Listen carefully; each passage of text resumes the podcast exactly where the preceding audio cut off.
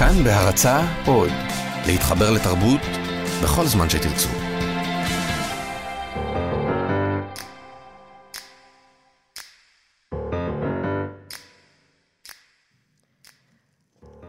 החיים שיש לך, יונה וולך.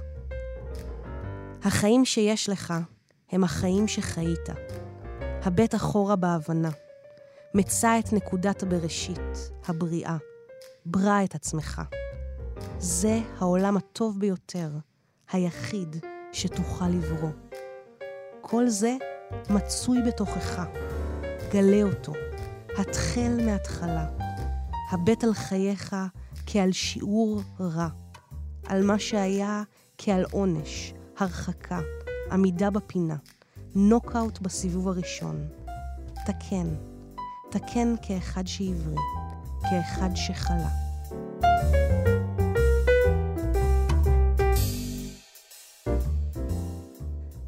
שלום שלום, אני נועם פרטום ואתם מאזינים לטקסט מניה, תוכנית שבה בכל פעם אני בוחרת איזה נושא אחר, יורדת לעומקו, או לפחות משתדלת, מתבוננת בו מכל מיני כיוונים וזוויות, אה, ומנסה לחשוב אותו ועליו ודרכו אה, באמצעות טקסטים ספרותיים אה, שקרובים לליבי, שירים, סיפורים קצרים, נובלות, קטעים מתוך רומנים, אבל לא רק פרוזה, אלא גם עיון, קטעים מתוך ספרי פסיכולוגיה, הגות, פילוסופיה, היסטוריה, ממוארים, מכתבים, יומנים, מה שבא.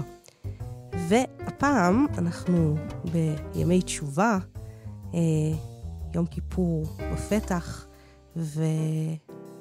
וכרגיל זה הזמן המאוהר הזה בשנה שלי אישית לפחות יש את הנטייה הבלתי נמנעת אה, להתכנס פנימה, ובין אם אני רוצה או לא לעשות איזה סוג של אה, חשבון נפש כזה.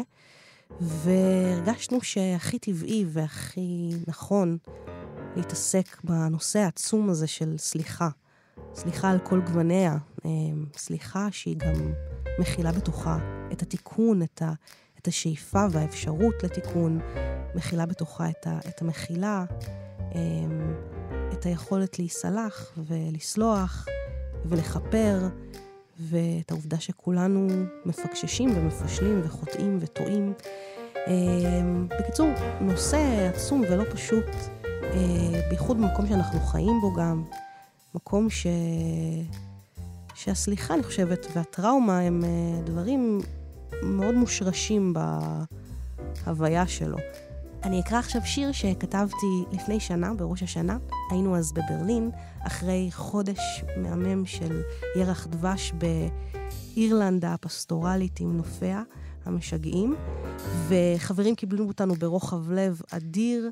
הגענו לברלין והיינו שם במין סעודת ראש השנה אה, מפוארת, ואחריה אה, הרגשתי כזה מין רוך אדיר ו...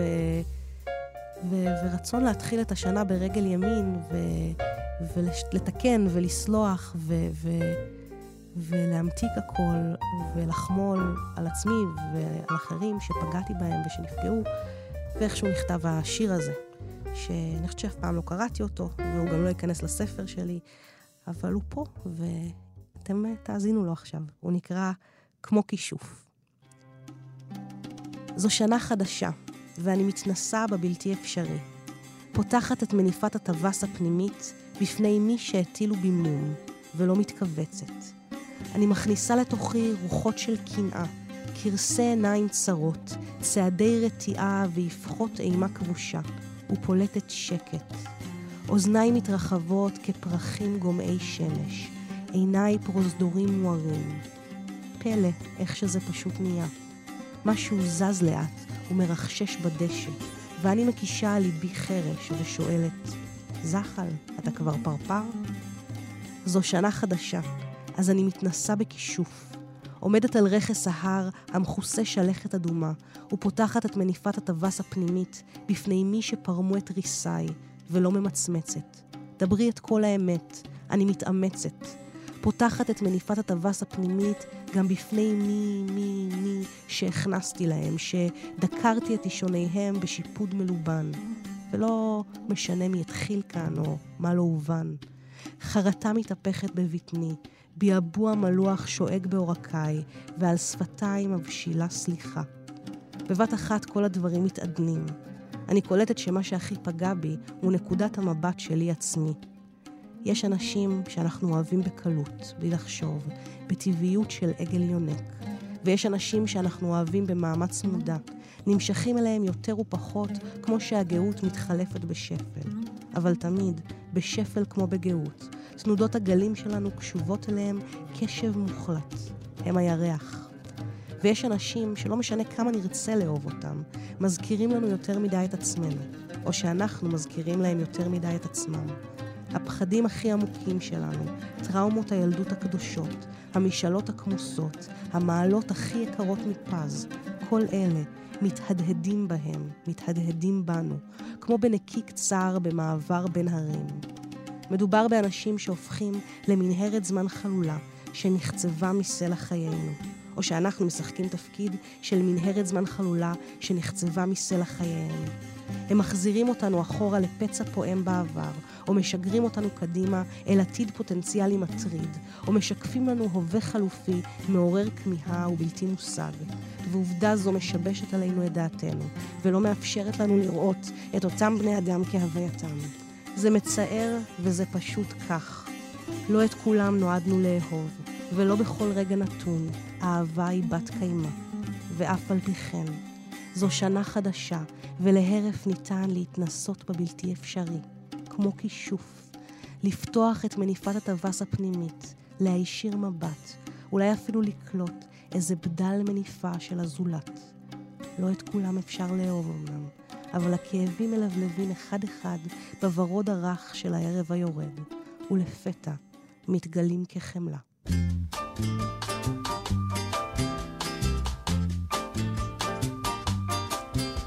למי שאמרתי, את מי שגמרתי, למי שקלקלתי את כל הבדיחה.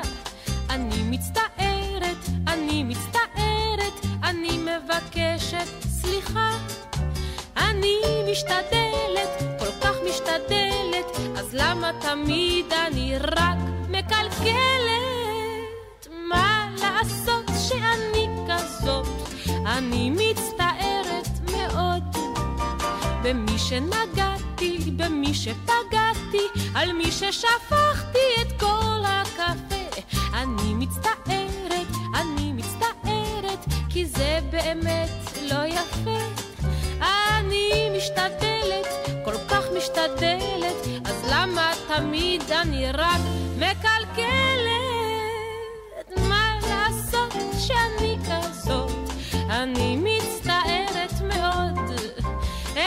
מי שרמסתי, את מי שדרסתי, את מי שהרגתי פחות או יותר.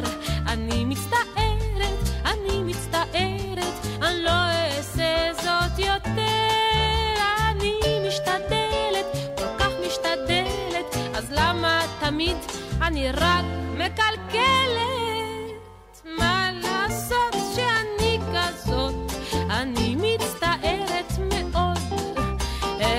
שחייכתי, על מי שדרכתי, את מי ש... אוי לא, רק לא זה. אני מצטערת, אני מצטערת, אני מצטערת כל כך.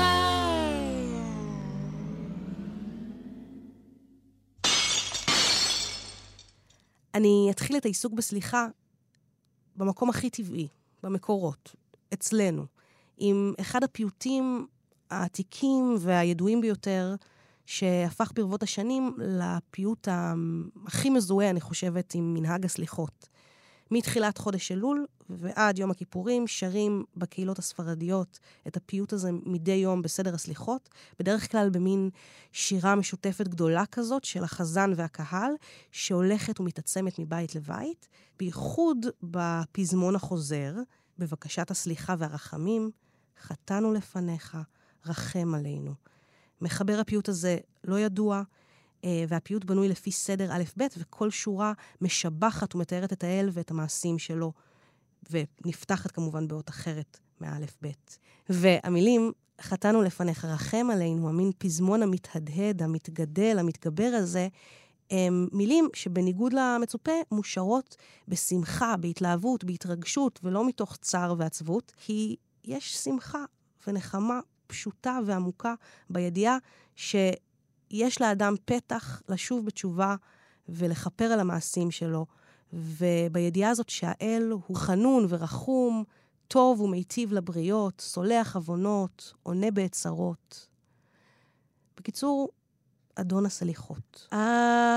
אדון הסליחות. אדון הסליחות. בוחן לבבות. גולה עמוקות. דובר צדקות. חטאנו לפניך, רחם עלינו. הדור בנפלאות, ותיק בנחמות.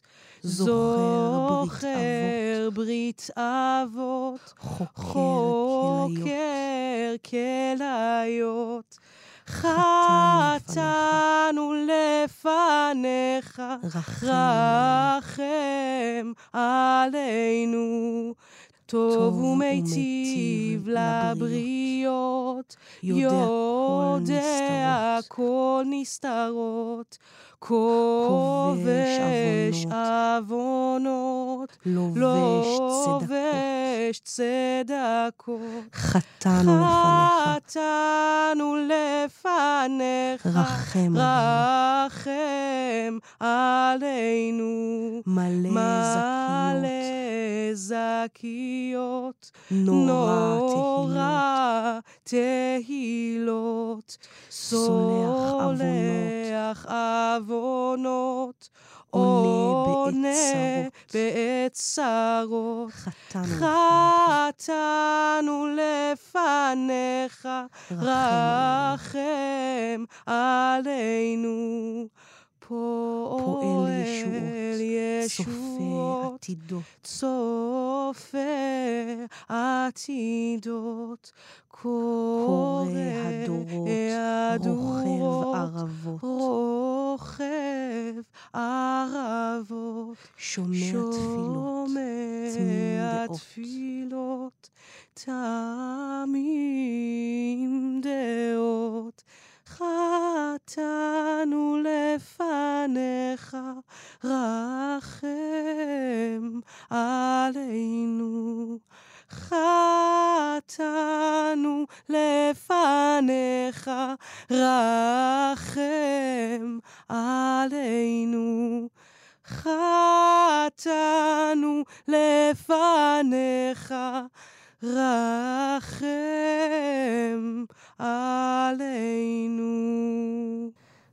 חטאנו לפניך, רחם עלינו.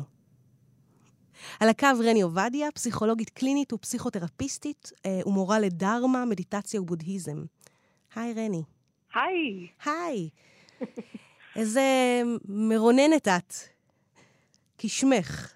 לא יודעת אם באמת נגזר מזה, אבל... אה, חכי, חכי, חכי. חכי. לאט לך. כל מיני. אז, אז את באמת מצויה מאוד בעולם הזה של הבודהיזם, ולכן התקשרנו כדי לחשוב על סליחה גם מהזווית הזאת של הדהרמה. כן. אמ, אז אולי נתחיל בשאלה הזאת. למה, למה בעצם כל כך קשה לנו להתנצל? מה, מה הקטע שלנו עם סליחה?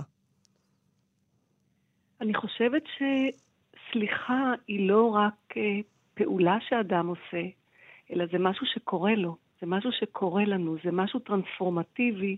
Hmm. זה כמו פעולה של חסד כזאת שקורית ומשחררת אותנו ממה שאנחנו קוראים לו, שעליו סלחנו. משחררת אותנו מה, מהכאב או מהכעס או מהבלבול או מה... הדברים שגורמים לנו לקושי. כן. אמרת ו... משהו נורא יפה, שזו בעצם, שסליחה היא תנועה של השתנות. היא תנועה בעצם... של השתנות. כן, שזה מצריך פרספקטיבה, מצריך איזה... איזה של השתנות, כן, של השתנות לכיוון, גם לכיוון של איזשהו שקט, התרווחות, אה, התפנות, התפנות ממשהו שקודם, ש, ש, שסחבנו אותו, לפעמים אפילו לא ידענו כמה אנחנו סוחבים. אז אני רואה את זה כמו זכות כזאת גדולה, לזכות בזה, גם בצד המקבל לפעמים, שאנחנו נסלחנו, וגם בצד אה, שסלחנו. כן.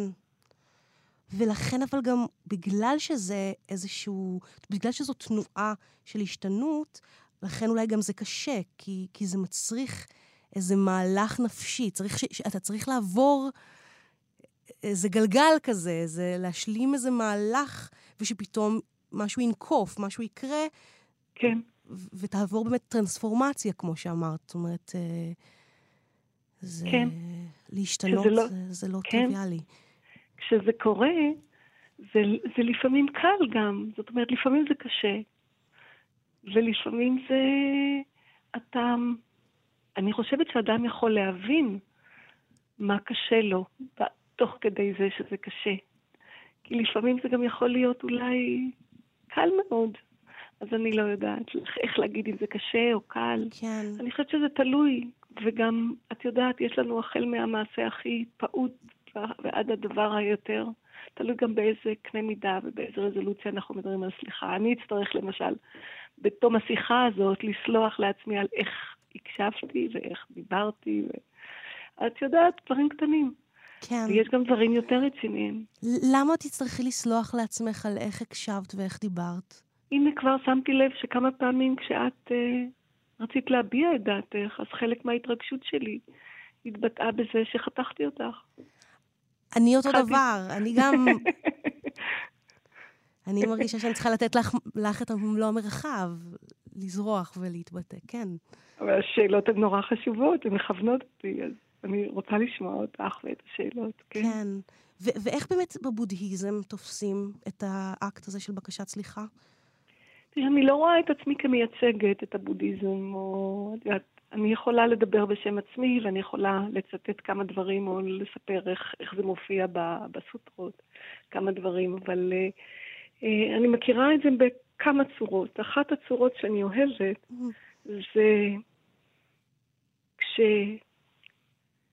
כשמנסים להבין איך להתייחס לדברים, ומדברים על איך לראות אותם בצורה נכונה.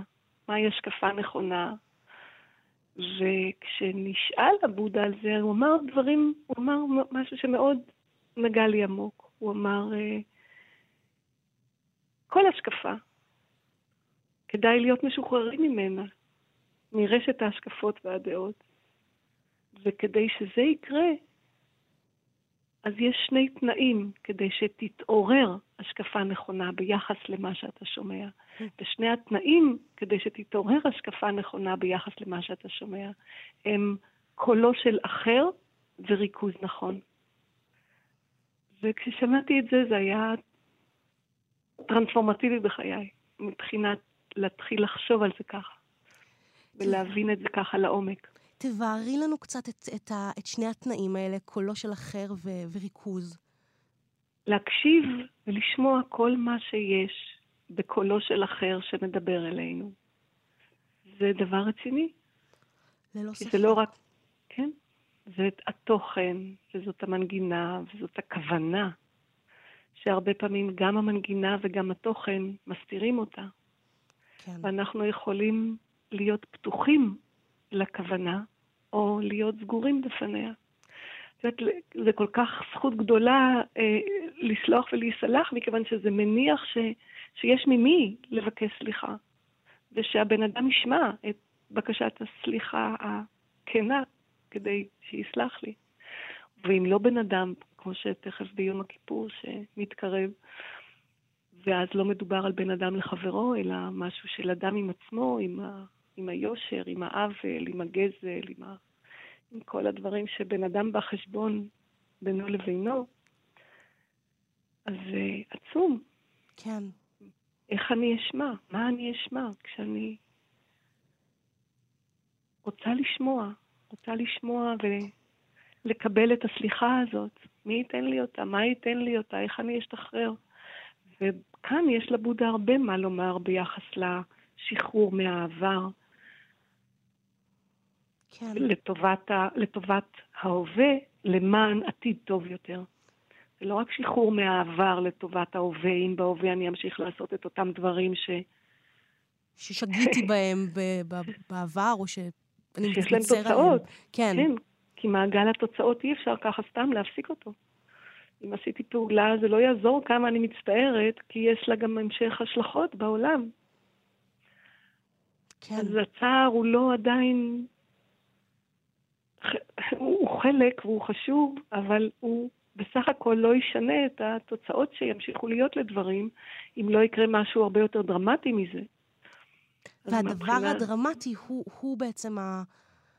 הקולו של אחר וה, והריכוז הזה. זאת אומרת, אה, כן, שזה נורא, נורא מעניין ויפה, זה נורא גרם לי ישר, אותי זה ישר אה, משך לבובר, זאת אומרת, כמו מה שבובר מדבר על יחסי אני-אתה. זאת אומרת, הדבר הזה של ממש, מפ, ממש. כן. מפגש, קולו של אחר, בין אם זה מפגש עם העולם, או עם האלוהות, או עם, אתה יודע, כל המופעיו, ש- מופע, מופעים של דברים בעולם, מה שלא יהיו, ובין אם זה מפגש עם, עם סובייקט אחר, ו, ו, או, עם, או עם בעל חיים, או whatever, ו... כן. ו- ובאמת, ואיזה פוקוס, זאת אומרת, איזה, איזה דרגה גבוהה של, של תשומת לב ל- לפרטים דקים מדק, כמו, דיברת על זה נורא יפה, על, ה, על האינטונציה, ועל, זאת אומרת, הרי אנחנו מביעים, ועל שפת הגוף, ועל ה, על הניואנסים, אנחנו מביעים דברים כן. בצורה כל כך מורכבת, ולפעמים כן. אחד בפה ואחד בלב, וזה מצריך איזה קשב מאוד מחודד. כן. ושהוא גם טבעי. זאת אומרת, הוא מצד אחד מאוד מחודד, ואנחנו גם יכולים להתאמן ולפתח אותו. ומצד שני, יש משהו טבעי. לפעמים אנחנו יודעים שהבן אדם בעצם מתכוון לבקש סליחה, אפילו אם הוא לא אמר את זה ככה, ואפילו אם שפת הגוף שלו הייתה קצת מסויגת. והשאלה כמה אנחנו נבוא לקראת, כמה נוותר על איזושהי עמדה שלפעמים מתבצרים בה גם, לטובת, לטובת, לטובת שלום, לטובת התקרבות, לטובת פיוס, לטובת הבנה. כן. וגם באמת, לא, לא חשבתי על זה לפני השיחה, אבל יש איזה עניין כזה עם סליחה, שבעצם אתה בא עם איזשהו נרטיב. יש לך, יש לך איזה סיפור שאתה מספר לעצמך על התרחשות שקרתה, או...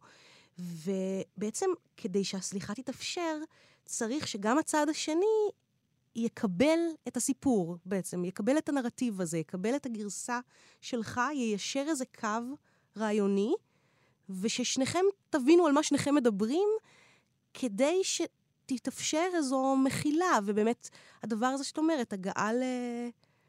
למכנה משותף, לעמק השווה, לאיזה...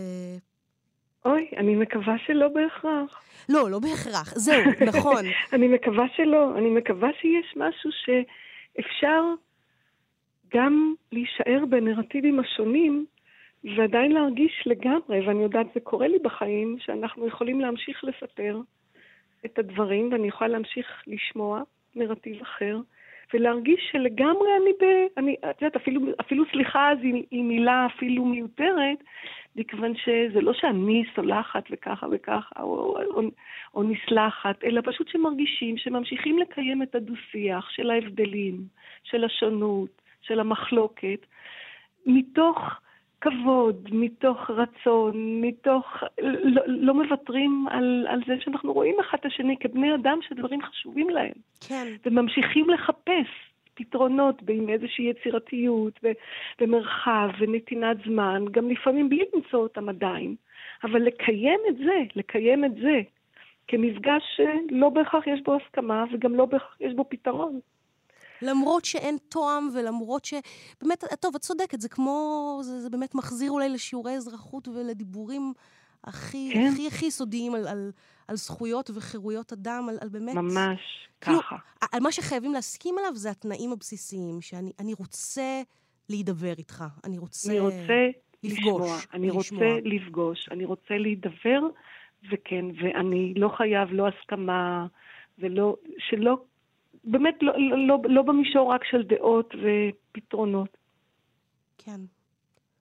בסדר, אז אני, אני ממש, אה, מאחלת לכולנו את, את הדבר הכל כך פשוט והחמקמק ושקל לשכוח אותו הזה של... אה, של חברות? חברות, אנושיות? כן, אנושיות, תנאים שמאפשרים את ה... תנאים של אנושיות. כן. כן. גם אם יש לנו סיפורים שונים ותפיסות שונות, ואנחנו רואים לגמרי אחרת את הדברים. כן. מלא תודה, רני, כל כך, אה, כל כך נעים לדבר איתך. בשמחה גדולה מאוד. תודה. Mm, ביי ביי. ואני מקווה שסלחת לעצמך. או, אפילו לא התחלתי לכעוס. יופי. לא, כי אמרת שאת אחרי השיחה תצטרך... תענוג, תענוג. כן. אוקיי, תענוג. תודה לך. ביי ביי.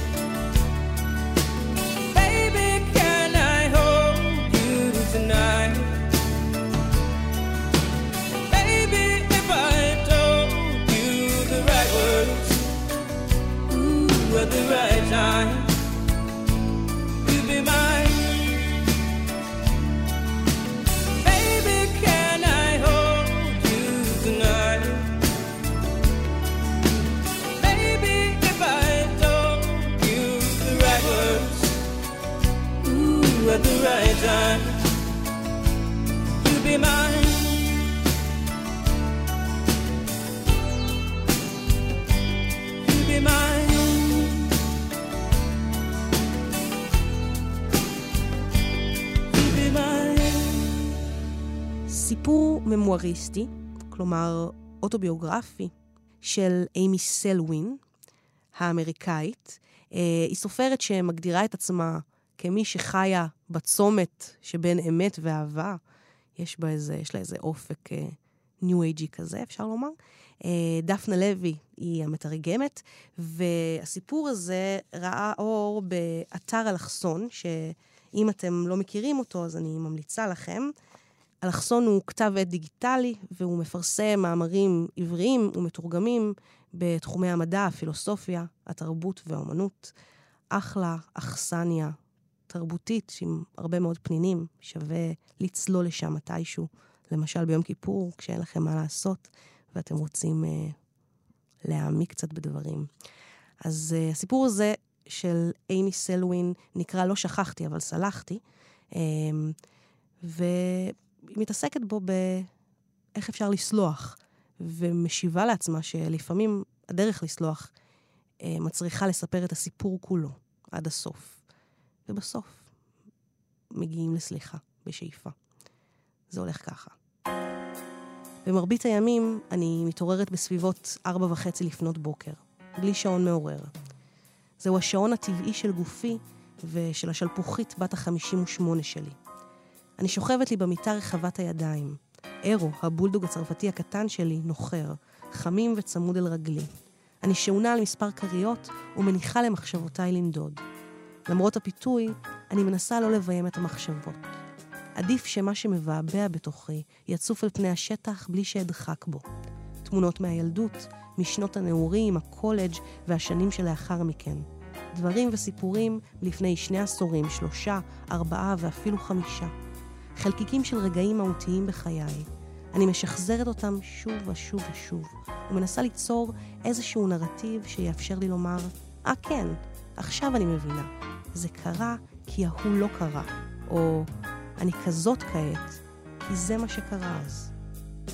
במרבית הבקרים אני מוצאת את עצמי בסביבה מוכרת.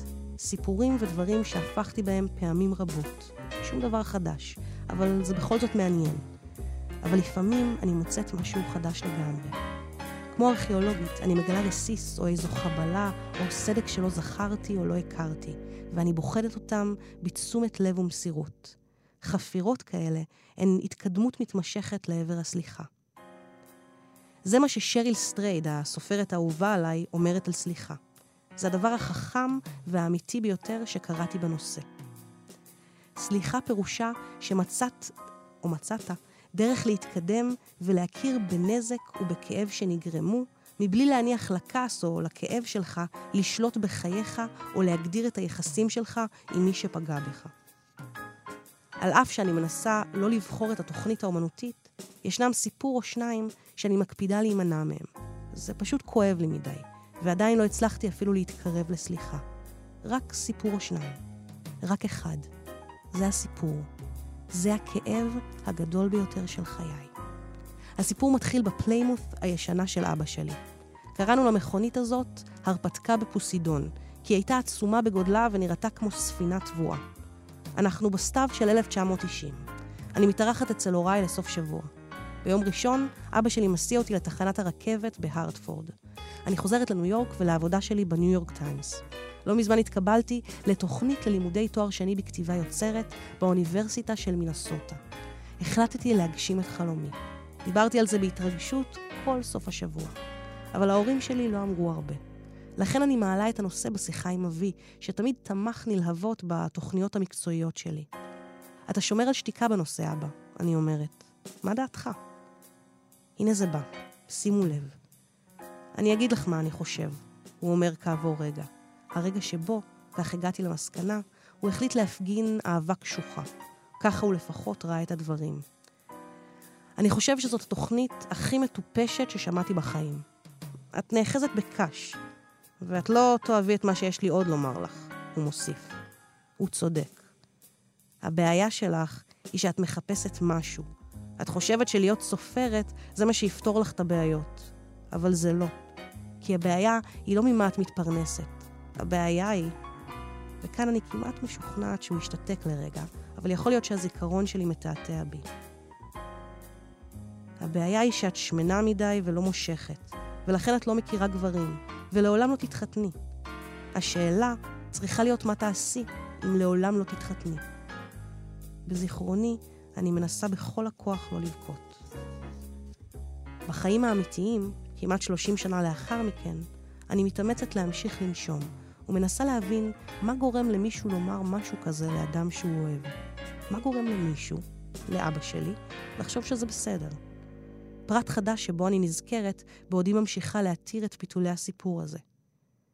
אם היית מתחתנת, לא היה לך זמן לשטויות כאלה כמו כתיבה. הייתה לך משפחה, כמו שיש לאנשים אחרים. אני לא מגיבה. אני לא מסוגלת. במבט לאחור, אני זוכרת שהגענו לתחנת הרכבת. אני מיהרתי לקחת את התיק שלי, ואיכשהו התרחקתי מהמכונית, והלכתי לאולם הנוסעים. אני לא זוכרת פרטים אחרים, או איך הסתיימה השיחה. אני זוכרת את עצמי יושבת ברכבת. אני זוכרת שאבא שלי התקשר אליי באותו יום, מאוחר יותר. למעשה, אימא שלי התקשרה. היא אמרה, אבא שלך הוא לפעמים אידיוט גמור, ואז היא נתנה לו את הטלפון. אני זוכרת את אבא שלי מתנצל. הוא אמר שהוא מרגיש נורא. אני זוכרת שאמרתי שזה בסדר. אני זוכרת שידעתי שזה לא. מעולם לא התחלתי את הלימודים באוניברסיטת מינסוטה. מעולם לא השלמתי את התואר השני, וקרוב לוודאי שלא במקרה. אחרי השיחה הזו, הפסקתי לכתוב למשך המון המון זמן. לכו תבינו, נעשה נזק, נגרם כאב. לפני מספר ימים התעוררתי ומצאתי את עצמי נזכרת בסיפור הזה. המכונית, הדרך מבית ההורים שלי לתחנת הרכבת בהרטפורד, ומשחזרת אותו בראשי, מגלגלת לאחור, ושוב פורסת את הסיפור. נזכרתי בסיפור כולו. דיברתי אותו בקול רם, אמרתי את המילים ונזכרתי בקול בחלקים שונים. אמרתי, אבא, סלחתי לך. לא שכחתי מה אמרת, אבל הצלחתי לסלוח. ייתכן שאתה רוצה לדעת למה.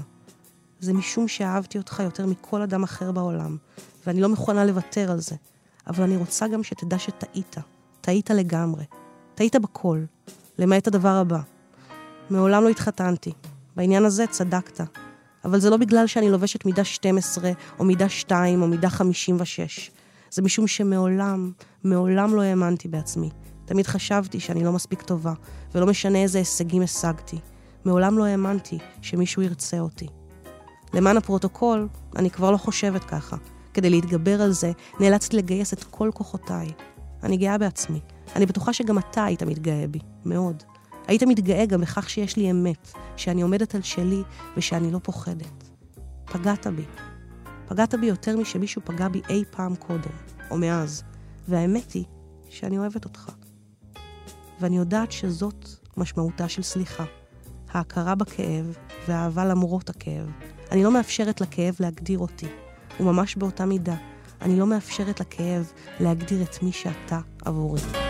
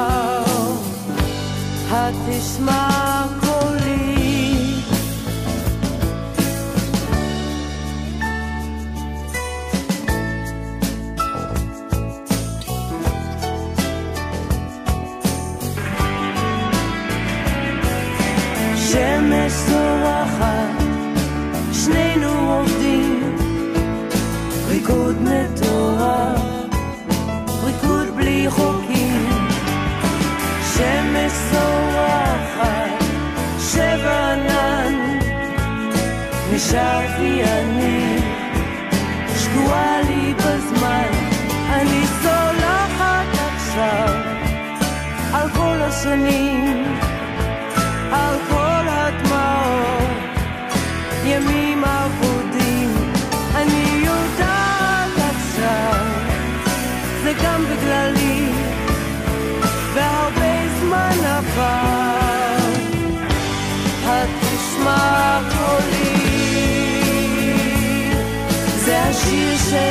שנכתב בשבילך.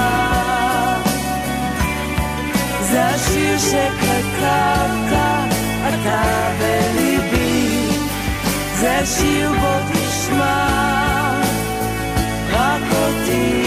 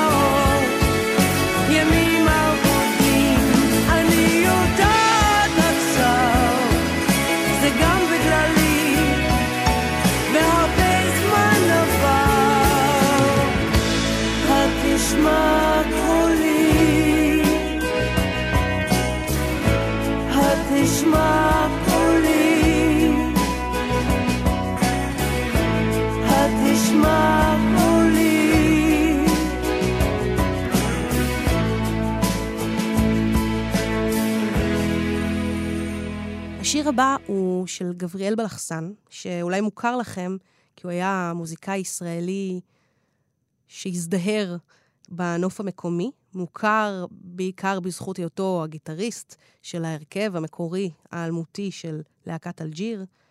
אה, לקח את חייו בכפיו ב-2013, אה, אבל מעבר להיותו גיטריסט מצוין, אה, הוא גם, ומעל הכל, פרץ אחר כך בקריירת סולו כגיטריסט וסולן, והוא באמת כותב טקסטים בחסד, משהו מאוד מאוד נע וגולמי אה, וחשוף וחצוף וגס ומכוער ומטונף וכל הסכלה והבררה של החיים, אה, אבל יש משהו מאוד חי וחד בכתיבה שלו ומשהו שהיה מאוד חלוצי, אני חושבת, בכתיבת אה, פזמונים אה, בעברית. והחלטתי לא להשמיע אותו, אלא לקרוא את הטקסט שלו כפי שהוא, לתת למילים להדהד בחלל, אה, כי אני חושבת שזה עושה איתן חסד, ו, ושראוי לקרוא אותו ולהקשיב לו. אני חושבת שגם יצא ספר שמכנס את הטקסטים שלו, אה, לדעתי לפני שנה-שנתיים. גבריאל בלחסן, שווה לכם לחפש את זה. אה, והטקסט הזה מדבר על סליחה, אבל מכיוון קצת אחר. הוא מדבר על סליחת יתר, על סליחה קלה ומהירה מדי, על המקומות שבהם אנחנו מעגלים פינות, שבהם אנחנו פרשים, שבהם אנחנו פראיירים, שבהם אנחנו מוותרים מהר מדי, שבהם אנחנו עוברים בשתיקה על כל מיני דברים מזעזעים שאנחנו רואים ביום-יום, ואנחנו מקבלים אותם כאילו כמובן מאליו, ואנחנו לא רגישים מספיק, והדברים האלה חולפים לידינו, כמו קבצנים שאנחנו רואים ברחוב, ואנחנו רגילים כבר להקהות את עורנו ולא... ולא להתרגש מזה, כמו זוועות שאנחנו קוראים בעיתון ורואים בחדשות ו, ומקיפות אותנו במקום הזה. והוא מדבר על כל, ה, על כל הסליחות בלאי האלה, על, ה, על הסליחות המיותרות ש, שמקהות אותנו ומחספסות אותנו, ועל איך בא לו להקיא מעצמו, שהוא כל הזמן, שהוא כזה, שהוא, שהוא, שהוא סולח ו, ולא רגיש ולא שם לב לכל הדברים האלה. ואיך הוא היה רוצה חמלה אמיתית אה, כלפי עצמו, וכמה הוא רחוק ממין חמלה כזאת. אז אה, גבריאל בלחסן, והשיר הזה נקרא בפשטות סליחה, והוא גם מולחן, ואתם יכולים למצוא אותו ביוטיוב. אתה ממשיך לסלוח. אתה ממשיך לסלוח לפגזים שנוחתים רחוק ממך. לבניין מתמוטט, לדם שנשפך על המדרכות, לנבזות של חרות אדם. אתה ממשיך לסלוח לטלוויזיה שאונסת אותך. אתה ממשיך לסלוח לגבר זקן ששופך זרעו על ילדה מבוהלת. אתה ממשיך לסלוח למוזיקה גרועה. אתה יושב בבית הקטן שלך ובוהה בעצים. אתה אומר שהם יילחמו. אני מתתי מזמן. אתה ממשיך לסלוח לאל שאינו קיים. אתה מחפש אותו בספרים, בתוך קורי עכביש, באנשים זקנים וטיפשים שמלהגים ריר. אתה ממשיך לסלוח לסיגריות שלך, למאפרה שלך שמתפוצצת, למוח שלך שנמס כבר מזמן, למחלות מדבקות, לילדים בלי בית, בלי שם, למלחמות, לרובים, לטנקים, לילדים בני עשר קטועי גפיים, לשכן שלך שלא יצא מהבית כבר שלוש שנים. אתה ממשיך לסלוח לפרצופים עגומים, למשפחות שלמות שנמחקות במטר של עופרת וברזל. אתה יושב וחושב על הרכב הדפוק שלך. אתה סולח לאישה שבגדה בך, למוות מהיר, לייסורים של אחרים. אחרים, לשלדים מסוממים מוטלים על המדרכות, מתחננים לכסף, לזבל שמצטבר. אתה סולח וממשיך לחמול על עצמך, בעוד בתי הקברות מתמלאים, בתי המשוגעים מתפוצצים, מנות אדם נגמרות, עצמות אדם מעלות אבק. אתה סולח, סולח לגואל שאינו מגיע, לשירותים שנסתמו, לאוזניים שנסתמו, ללב שנסתם, לאש שמשתוללת בחוץ, אתה לוגם מהקפה ומשלב רגל ברגל ומחכה לכלום הגדול והלבן שיגיע. והכלום הוא גדול ונצחי, והידיים שלך לבנות מלאחוז חזק בלי להפסיק. לא להרפות, לשכוח מהכל, לעצום עיניים, לסבן טוב טוב את הזין ולהיכנס למיטה ולסלוח, לסלוח לעצמך על הכל. זה רחוק ממך, אתה לא קיים. גם הלב שלי התנוון והתייבש כבר מזמן. אני רק רוצה לחיות. אני עוצם עיניים וחורק שיניים, ומחכה לרוח שתבוא, ותסרק לי את השיער, ותנשוף לי בעורף ככה בשקט, בנעימות, ותחמול עליי, ותלטף לי את העצמות, ותלחש לי ככה בשקט באוזן. יהיה בסדר, גבריאל, אתה תשרוד. ואסתובב לי בבגדי מלך רקומים, מעשה אומן, חמוש באשכים של שור, גב זקוף, בלתי חדיר, לשיטפונות של כאב, זוהר בחושך, מחוייך ומיומן. אבל איפה זה? ואיפה אני?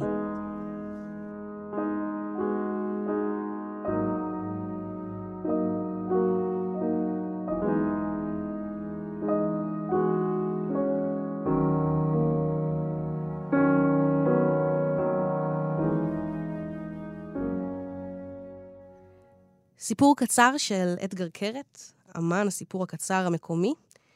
אה, סיפור שמראה איך לפעמים מזדמנת לנו האפשרות הניסית הזאת לתקן, ולפעמים אפילו במכה אחת. כלומר, זה סיפור שבו מישהו עושה, מתפרץ, עושה משהו שראוי לחרטה, ומצליח במין דאבל טייק בגלל הנסיבות המאוד מיוחדות, באותו מעמד כבר לתקן ולהתחרט ולהתנצל, וזה מאוד מאוד יפה.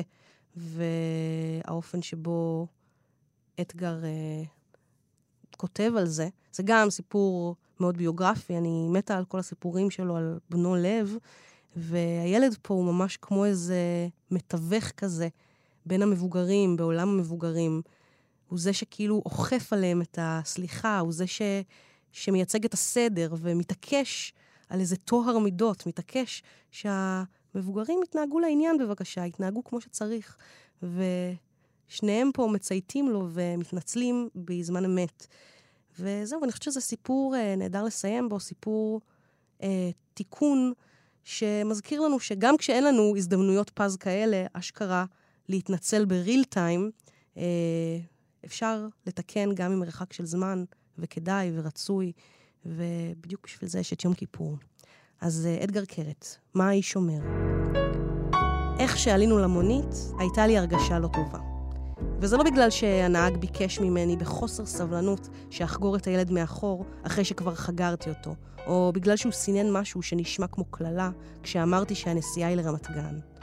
אני נוסע הרבה במוניות, וכבר רגיל לעצבים, לחוסר סבלנות, לעיגולי הזיעה מתחת לבתי השחי.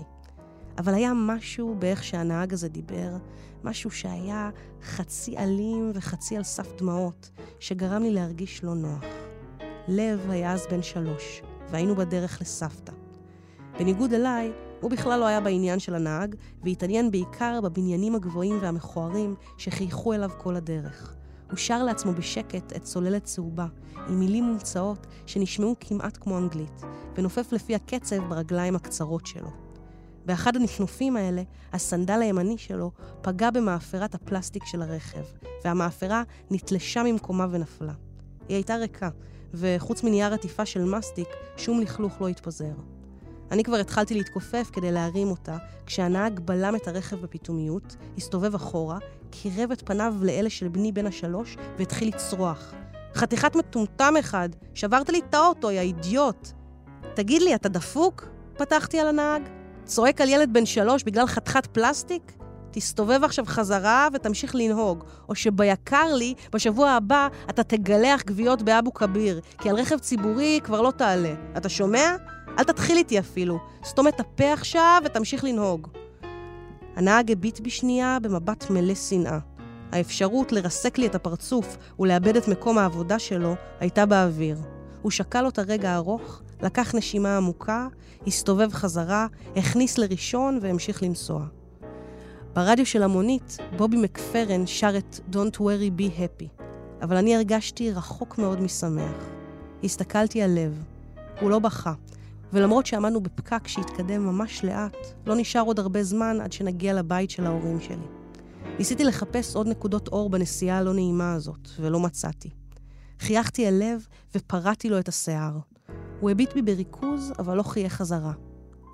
אבא, הוא שאל, מה האיש אמר? האיש אמר, עניתי מיד, כאילו כלום, שכשאתה נוסע במכונית, אתה צריך להיזהר עם איך שאתה מזיז את הרגליים, שלא תשבור משהו.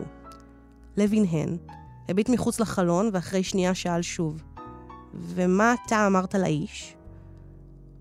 אני? אמרתי ללב בניסיון להרוויח טיפה זמן. אני אמרתי לאיש שהוא לגמרי צודק, אבל שאת מה שיש לו להגיד, הוא צריך להגיד בשקט ובנימוס, ולא לצעוק. אבל אתה צעקת עליו, אמר לב מבולבל. אני יודע, אמרתי, וזה לא היה בסדר. ואתה יודע מה? אני עכשיו אבקש ממנו סליחה. התכופפתי קדימה, כך שהפה שלי כמעט נגע בעורף העבה והשעיר של הנהג, ואמרתי בקול רם וחצי מדקלם, אדוני הנהג, אני מצטער שצעקתי עליך, זה לא היה בסדר, ואני מבקש סליחה. כשסיימתי, הבטתי בלב ושוב חייכתי, או לפחות ניסיתי. הסתכלתי מהחלון, בדיוק יצאנו מהפקק בז'בוטינסקי. החלק הקשה כבר היה מאחורינו. אבל אבא, לב הניח לי יד קטנטנה על הברך. עכשיו האיש צריך לבקש סליחה ממני. הסתכלתי על הנהג המזיע שלפנינו. היה לי ברור שהוא שומע את כל השיחה הזאת. היה לי גם ברור לגמרי שלדרוש ממנו לבקש סליחה מילד בן שלוש לא יהיה רעיון ממש טוב. החבל בינינו כבר היה יותר ממתוח גם ככה. מתוק שלי, התכופפתי אל לב. אתה ילד חכם, ואתה יודע כבר המון דברים על העולם, אבל לא את הכל. ואחד הדברים שאתה עדיין לא יודע, זה שמכל הדברים בעולם, לבקש סליחה זה אולי הדבר הכי קשה. ושלעשות דבר קשה כל כך בזמן שאתה נוהג, זה מאוד מאוד מסוכן. כי אתה פשוט יכול לבקש סליחה ולעשות תאונה. אבל אתה יודע מה? אני לא חושב שאנחנו צריכים לבקש מהנהג שיבקש סליחה. כי אני יושב כאן ומסתכל עליו, ואני יכול לראות שהוא מצטער. נכנסנו כבר לרחוב ביאליק, והנה הפנייה ימינה לנורדו, ואחריה תגיע הפנייה שמאלה לסמטת הבאר. עוד רגע ואנחנו שם. אבא, אבא, אמר לי לב שוב, תוך שהוא מצמצם את עיניו. אני לא מצליח לראות שהוא מצטער. ברגע הזה, באמצע העלייה של נורדו, הנהג בלם ומשך את ההנדברקס. הוא הסתובב אל בני שוב וקרב אליו את פניו. הוא לא אמר כלום, רק הסתכל הלב בעיניים, ואחרי שנייה ארוכה מאוד לחש, תאמין לי, ילד, שאני מצטער.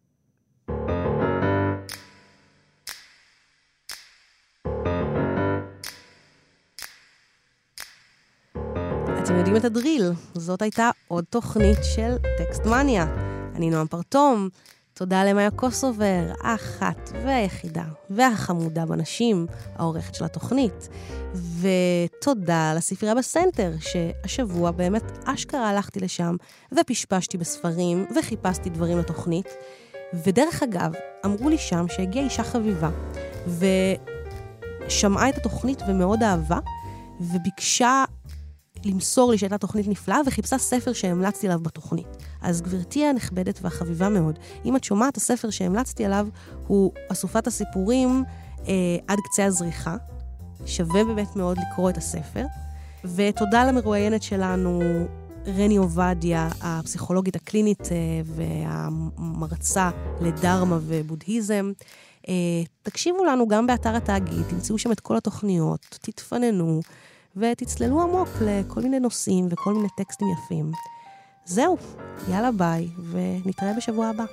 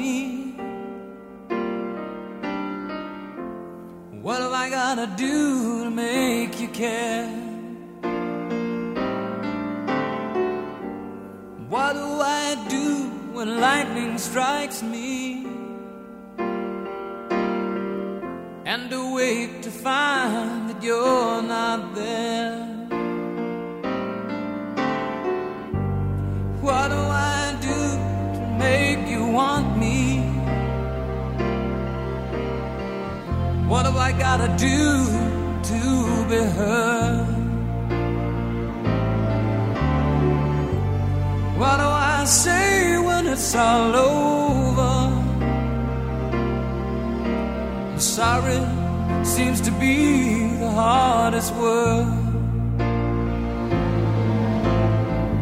It's sad, so, so sad. with a sad, sad situation, and it's getting more and more absurd. It's sad, so, so sad. Why can't we talk it over?